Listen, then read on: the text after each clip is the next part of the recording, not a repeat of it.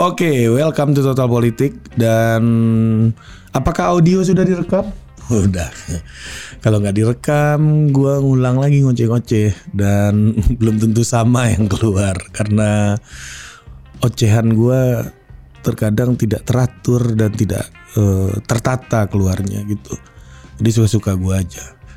Nah, kali ini gua mau bicara soal uh, sesuatu yang tadinya itu muncul di podcast gue sama Hasan Nasbi gue sama Budi waktu itu wawancara sama uh, Hasan Nasbi soal partai koalisi tiga partai koalisi Indonesia Bersatu katanya yang mana di situ ada Golkar, ada P3, ada PAN juga.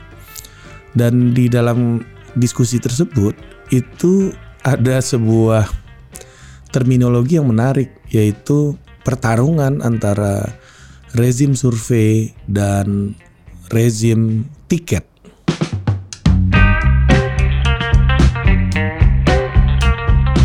Oke, apa itu rezim survei dan apa itu rezim tiket? Yang pertama rezim survei, gue mulai dari rezim survei dulu. Ya, rezim survei ini adalah um, bagaimana kepercayaan politik itu diambil keputusan-keputusan yang diambil berdasarkan dengan hasil opini publik gitu. Nah, jadi misalnya siapakah e, calon presiden yang paling layak menurut Anda gitu. Keluarlah nama tiga besar gitu yang seperti yang kita tahu di hampir semua survei nama tiga besarnya ya relatif itu-itu aja selama e, dua tahun belakangan ini. Ada nama Pak Prabowo, ada nama Pak Anies Baswedan, ada nama Pak Ganjar Pranowo gitu. Jadi ada tiga orang lelaki ini yang meng, memuncaki ya top 3 dari semua survei dalam dua tahun belakangan ini. Jadi kalau rezim survei berpikirnya adalah kalau ada pencapresan ya yang harus dicalonkan ya tiga ini aja yang akan mendapatkan kemenangan ya dengan mencalonkan tiga orang ini gitu. Jadi eh, keputusan politik untuk pencalonan kandidasi di dalam pemilu di 2024 nanti akan sangat ditentukan dari opini publik yang mengatakan bahwa ada tiga kandidat utama gitu yang akan menjadi uh, kandidat terkuat yang akan mungkin memenangkan pemilu 2024 nanti gitu. Nah rezim survei ini kekurangan-kekurangannya tentu um, apa ya ini sebuah justifikasi akademik tentunya Terus uh, ini sebuah pemetaan strategi tentunya kekuatannya itu, tapi juga ada menyisakan kekurangan-kekurangan, yaitu bagaimana uh, rezim ini sulit sekali untuk memunculkan alternatif-alternatif gitu.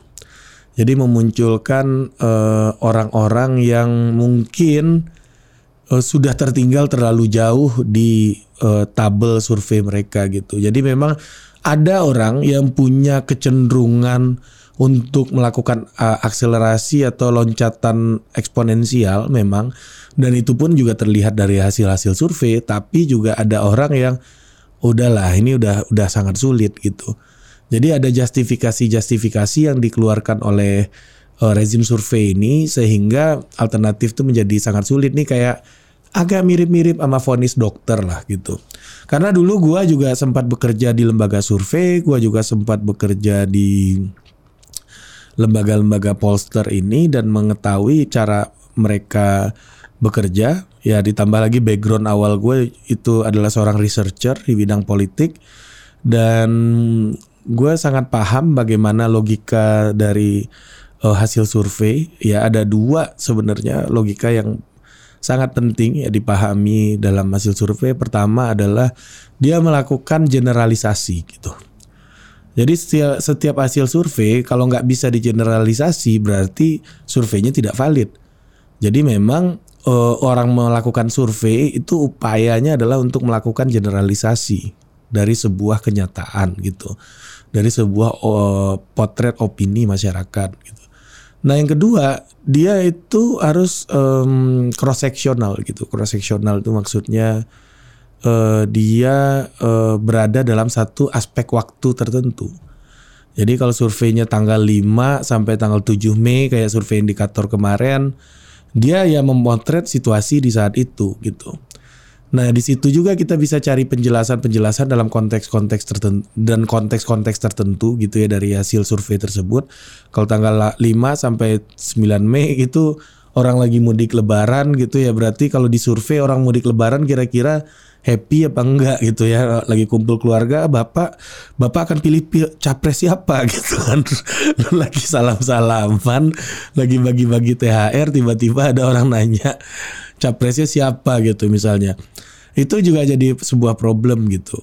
Nah, dia adalah penjelasan dalam satu aspek waktu dan tidak bisa juga kita mengatakan bahwa satu hasil survei akan melakukan uh, justifikasi terhadap situasi di masa depan yang mungkin aja bisa berubah. Nah, di situlah uh, the art of politics gitu. Attack the impossibility gitu. Jadi politik melawan ketidakmungkinan itu sendiri gitu.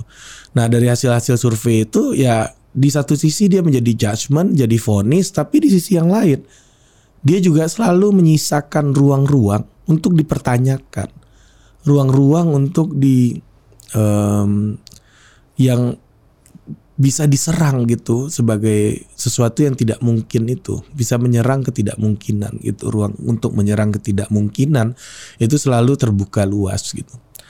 Nah inilah rezim survei. Kalau apabila survei itu mengatakan tiga besarnya adalah calon A, B, C seperti Pak Prabowo, Mas Ganjar dan Mas Anies ya udah.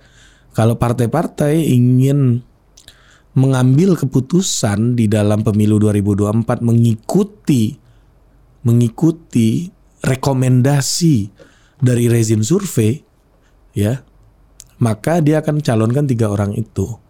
Atau dari rezim survei dia tidak akan mencalonkan mungkin ketua umumnya sendiri gitu ya, walaupun ketua umumnya sendiri yang memiliki otoritas penuh dalam pencalonan itu, tetapi ketika rezim survei mengeluarkan argumen tertentu, dia mungkin akan berhitung lagi bahkan untuk tidak mencalonkan ketua umumnya sendiri karena menurut rezim survei ketua umumnya itu berada di uh, apa namanya bottom list lah gitu.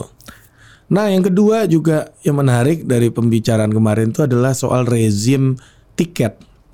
Rezim tiket ini apa? Rezim tiket ini adalah orang-orang yang punya partai. Karena cuma orang-orang yang punya partai lah ya yang bisa menjadikan orang lain sebagai capres. Kalau lu nggak punya partai, lu nggak mungkin jadi capres. Gitu. Jadi kalau lu nggak diberikan legitimasi, diberikan kekuatan formal oleh orang-orang punya partai, lu nggak akan mungkin jadi capres. Nah muncullah orang-orang yang mungkin elektabilitasnya secara survei itu nggak tinggi-tinggi banget atau nggak ada dalam skema opini publik gitu ya tetapi dia punya kekuatan dalam skema-skema politik gitu. Dia adalah orang-orang yang mampu mendudukkan kekuatan-kekuatan elit politik untuk membangun sebuah kesepakatan bersama gitu. Nah inilah yang disebut dengan rezim tiket tadi. Mungkin Bu Puan elektabilitasnya itu sangat kecil ya sekitar satu persen, setengah persen, satu setengah gitu, dua persen. Yang mana itu sangat jauh sekali di bawah Pak Ganjar. Tapi rezim tiket melihat bahwa pencapresan itu mungkin aja lebih mungkin Bu Puan yang dapat karena bagi rezim tiket siapa yang paling dekat proksimitinya terhadap penentu keputusan utama di dalam sebuah partai politik itu.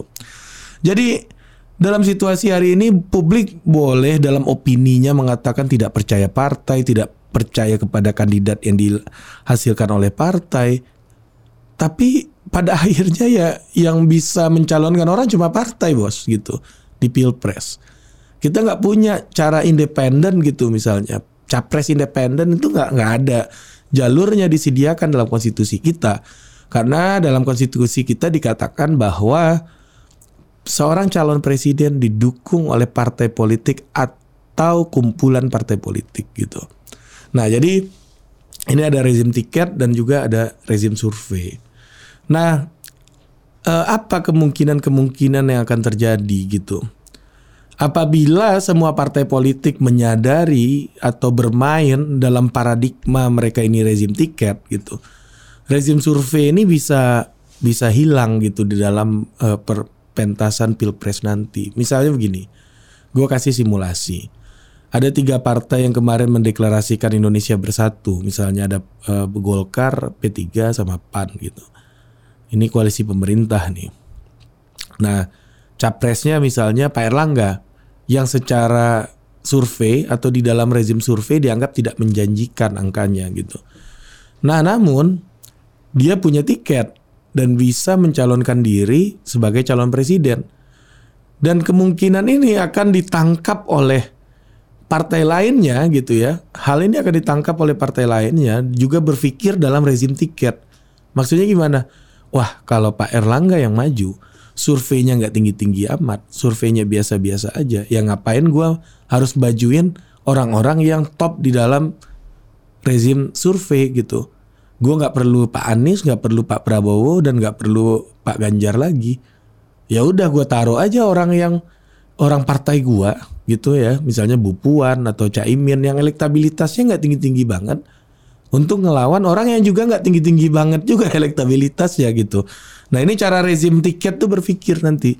Jadi mungkin aja opini publik akan dikesampingkan ketika rezim tiket ini bisa duduk bersama untuk menentukan siapa capres-capresnya nanti gitu.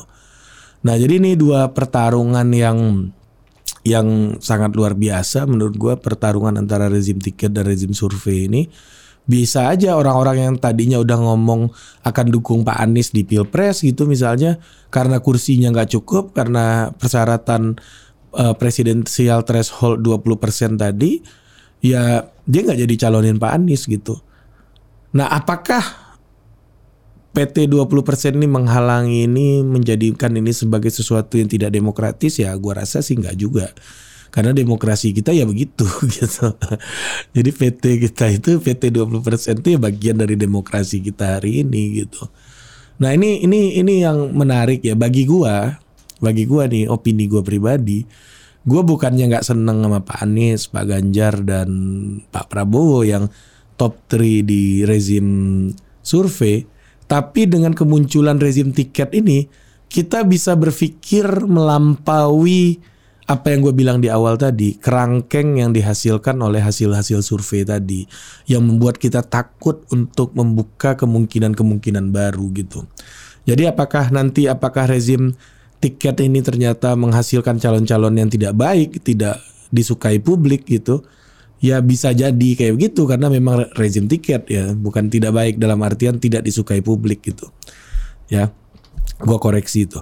Jadi tidak disukai publik calonnya ya pasti karena mereka itu adalah calon-calon yang lahir dari rezim tiket gitu.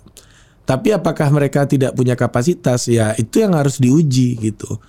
Jadi tetap aja apabila rezim tiket yang muncul gitu ya, tetap aja kapasitas mereka akan diuji sebagaimana mestinya proses pemilu yang harus dilaku dilewati gitu. Proses pemilu yang harus diselenggarakan semua tahapan-tahapannya gitu. Jadi menurut gua ya mau rezim survei ataupun rezim tiket dua-duanya sama-sama menjadi barrier ya gitu Dua-duanya sama-sama menjadi barrier bagi seorang warga negara untuk menjadi presiden di Indonesia. Ya kalau rezim tiket itu susahnya karena legitimasi elit yang ada di dalam uh, partai tertentu dengan untuk menembus syarat 20% apalagi gitu. Dan rezim survei untuk sampai ke angka top 3 survei itu bukan hal yang mudah juga gitu. Bahkan Pak Ridwan Kamil misalnya ya masih satu digit angkanya ya itu udah bertahun-tahun jadi pejabat gitu, udah jadi gubernur sekarang dan udah pernah jadi wali kota juga gitu. Dan ternyata angkanya cuma satu digit.